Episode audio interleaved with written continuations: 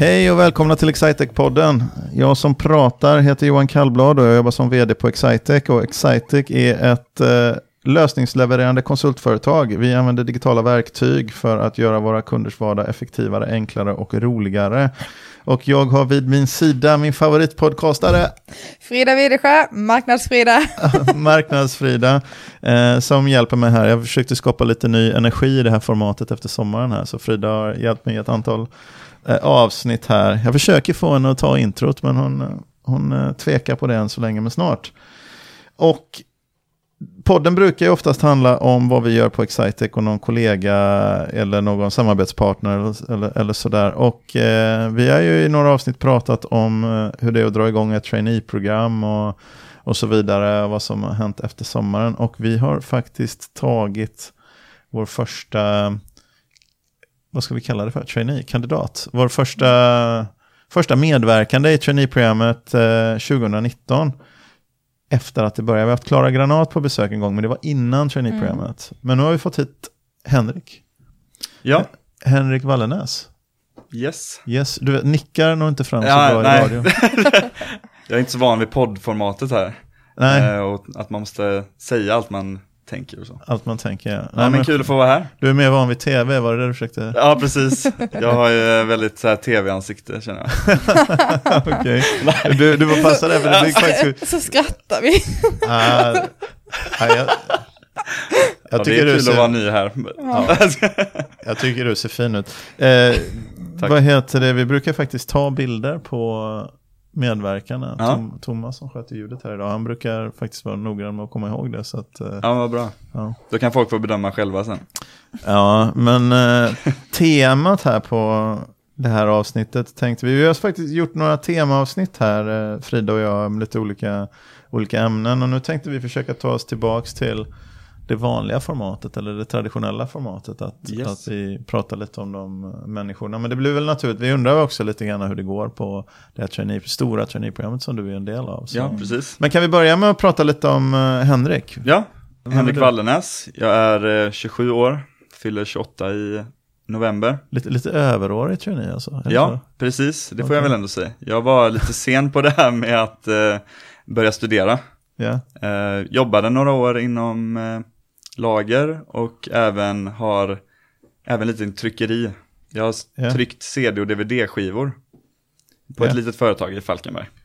Som jag även är uppväxt i. Ja.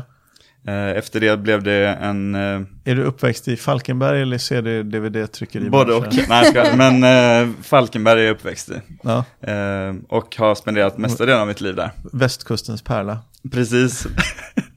Nu, okay, jag ska ja, avslöja att Henrik och jag har pratat om det. Frida sitter och ser ut som ett litet frågetecken här, men vi, vi pratade ju om, om Allingsås mot Falkenberg. Ja, faktiskt, precis. Som jag, Medan Falkenberg var på väg att slå IFK Göteborg också. Ja. Men det sket sig. Ja, just det. Men, eh, Nej men eh, jag jobbade några år, gjorde några resor och funderade väl på vad jag ville syssla med i livet. Eh, yeah. Lite så. Eh, och så kom jag i kontakt med systemvetenskap. Jag har alltid varit intresserad av IT och mycket om hur på företag jag varit på och jobba och försökt förstå helheten i vad, jag, vad bidrar jag med. Eh, så tre år på systemvetenskap i Linköping blev det. Mm. Eh, och nu är jag här. vad, Linköping då? Eh, blir du kvar i Linköping eller? Nej, nu blir jag inte kvar i Linköping utan det blir tillbaka till västkusten, närmare västkusten, västkustens pärla då. Yeah. Så nu blir det Göteborg istället. Yeah. Och då kommer jag jobba med eh, digitalisering. Yeah. Mm. De här företagen som du eh, jobbar, alltså det här med att jobba med IT och, och, och ha det som verktyg för att se för att se helheten. Det, det är inte, man kunde tänka sig liksom någon sån ekonomutbildning eller någonting, men systemvetenskap är ju lite annat. Ja, precis. Det. det. är väl mest, jag har jobbat mycket i olika system och eh, tanken grundades, grundades väl i att jag satt i ganska tråkiga affärssystem och tyckte att det här borde man kunna göra bättre. Eller att jag satt med vissa processer typ på ett lager som jag tyckte att det måste finnas bättre sätt att göra där. Och man hade väl inte riktigt den här makten att påverka alltid. Eh, och då tänkte jag väl, då kan jag väl sätta mig hos eh, några som håller på med IT istället och försöka påverka därifrån. Mm. Ja, vad, vad tyckte du om eh, att studera då? Var det svårt att börja plugga igen efter eh, fem, vad sa du, fem, sex år? Ja, precis. Sex år. Det var svårt med lite mattekurser att komma in i det. Men jag tyckte att stora skillnaden nu var att jag tyckte det var, nu var det väldigt roligt att plugga för det var något jag tyckte var kul. Och då blev det ganska lätt, det är ingen ingenjörsutbildning.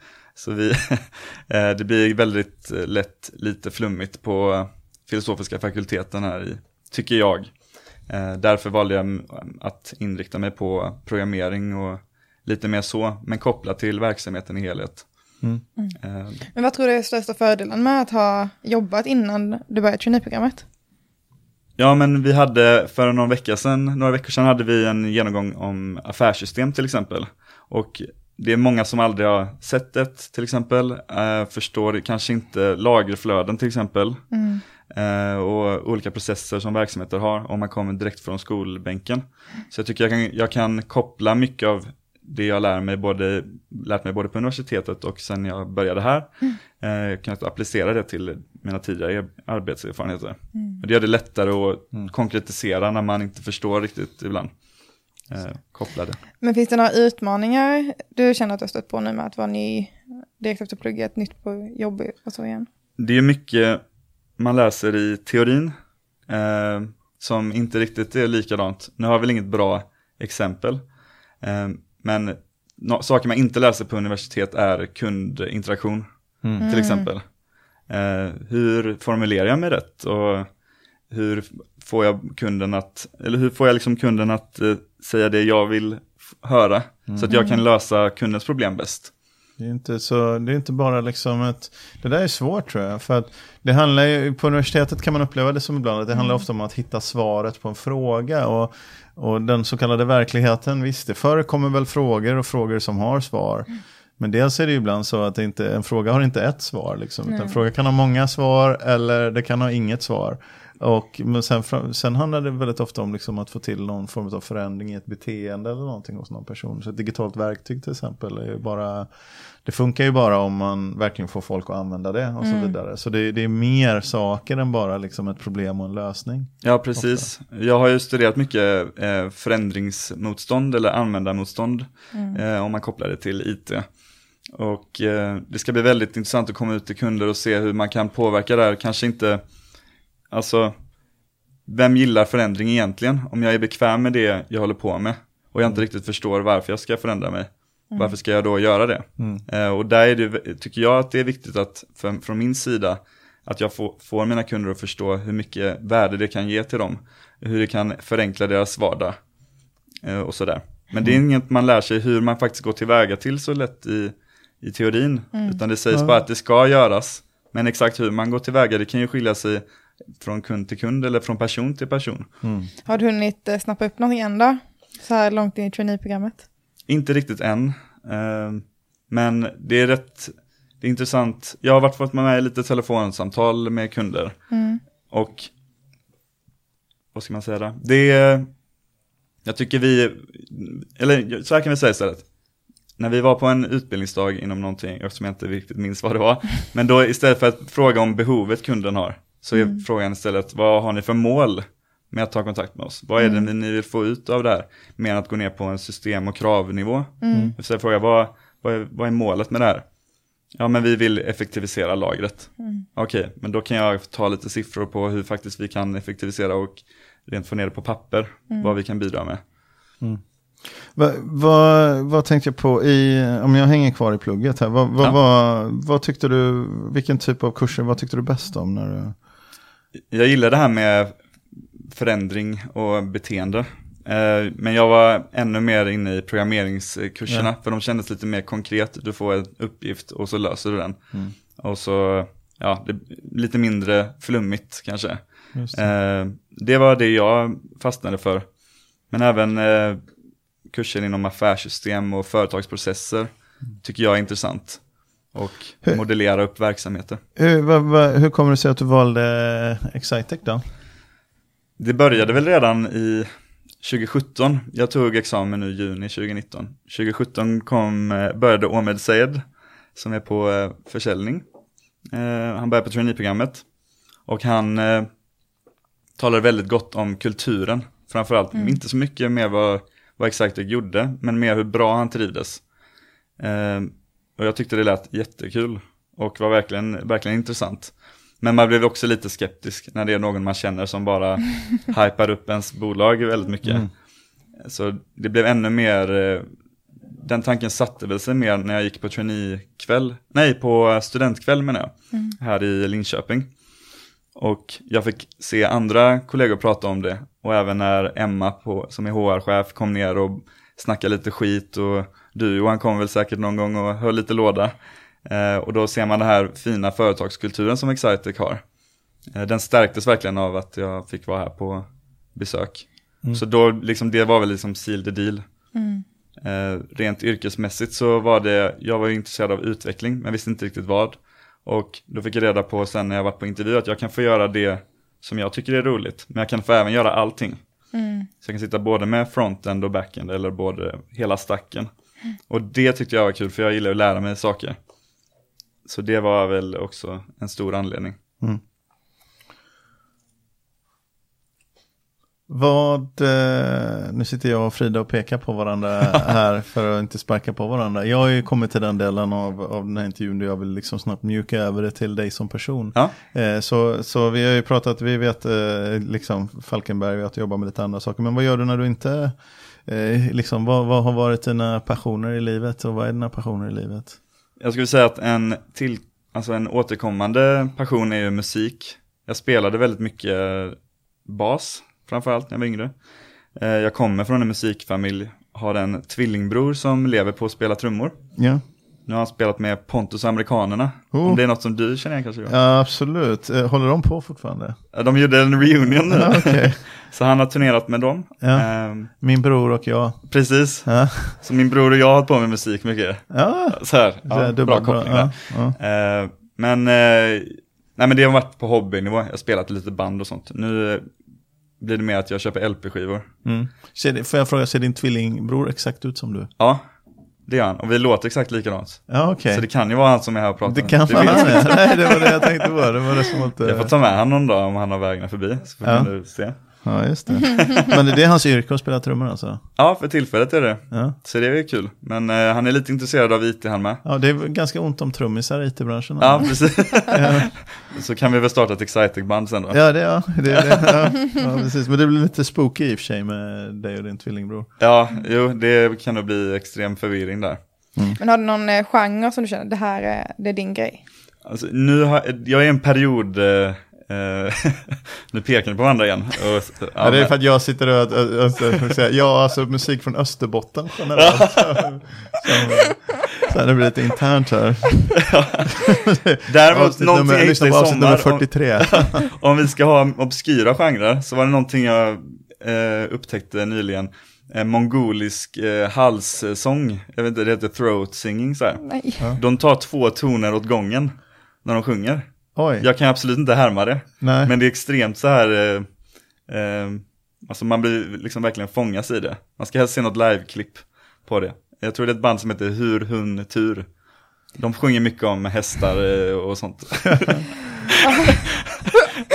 Det, här, det är så oklara musikgenrer vi Ja. pratar om här. Alltså det är inte något jag kanske lyssnar på varje dag. Om vi Men, säger så här, skriver när du eh, går in på Spotify, Ja. om du står och jobbar själv, vad lyssnar du på då?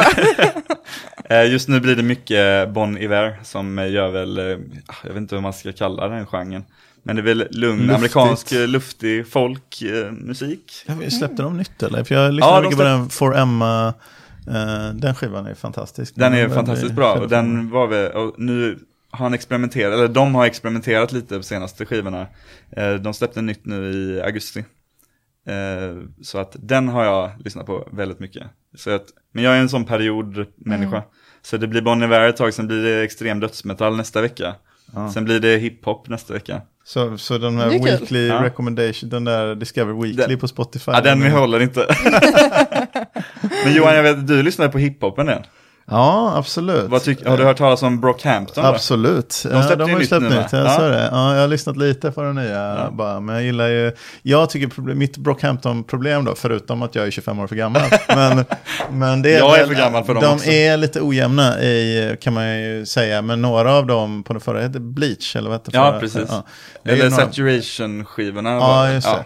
Ja, ja, Saturation 1, 2, 3 ja. ja. men det är några av låtarna där, Sweet och Bleach och några till som är, som är fantastiska. Ja, och så härliga och liksom lite, det påminner om innan Outcast blev töntiga. Ja, Liksom. Ja, påminner om i upplägget på, så tittar jag på Frida Ja, så jag du bara sitter och nickar. ja och Frida, bara, är det absolut. hiphop för något för dig då? Eh, nej, jag är med den här personen som slår på en lista på Spotify och känner mig nöjd med det. Ja. Men eh, eh, så eh, hiphop på Spotify eh, har ju en eh, härlig svensk mixlista som jag tycker är Ja, rätt just god. Mm. Ord och inga visor tror jag den heter.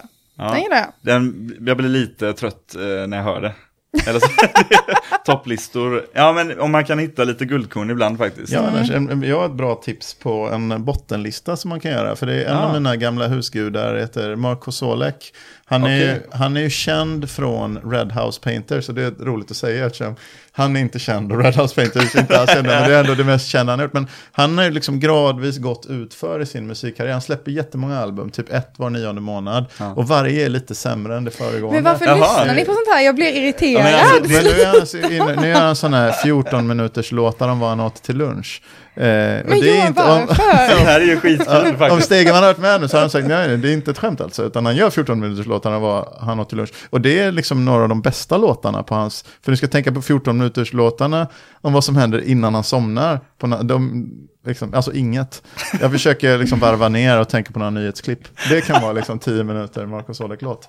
Men om du gräver dig, som ett tips till dig Henrik, Ja. om du gräver dig baklänges upp i Marcus Solek-katalogen, han går även under namnet Sun Kill Moon. Okej. För, som vi alla kommer ihåg, den sydkoreanska boxaren. Ja, absolut. Som, så är det, är det så Marco Solek, San Kilmoon, eh, Benji också ibland kan det gå. Men så finns några pseudonymer. Så han har lite pseudonymer lite pseudonymer. Mm. Men om man gräver sig upp tills man hittar en skiva som man faktiskt kan stå ut med. Ja. Då har man ju något väldigt fint att se fram emot. Eftersom Verkligen. resten av katalogen, om man går baklänges då, kommer vara... Men det känns som att både du och jag Johan är ganska lika där, för jag är en sån som kan fastna i YouTube-träsk. Om jag, när jag hörde Brockhampton i början så var jag så här, ja men de hade någon bra låt.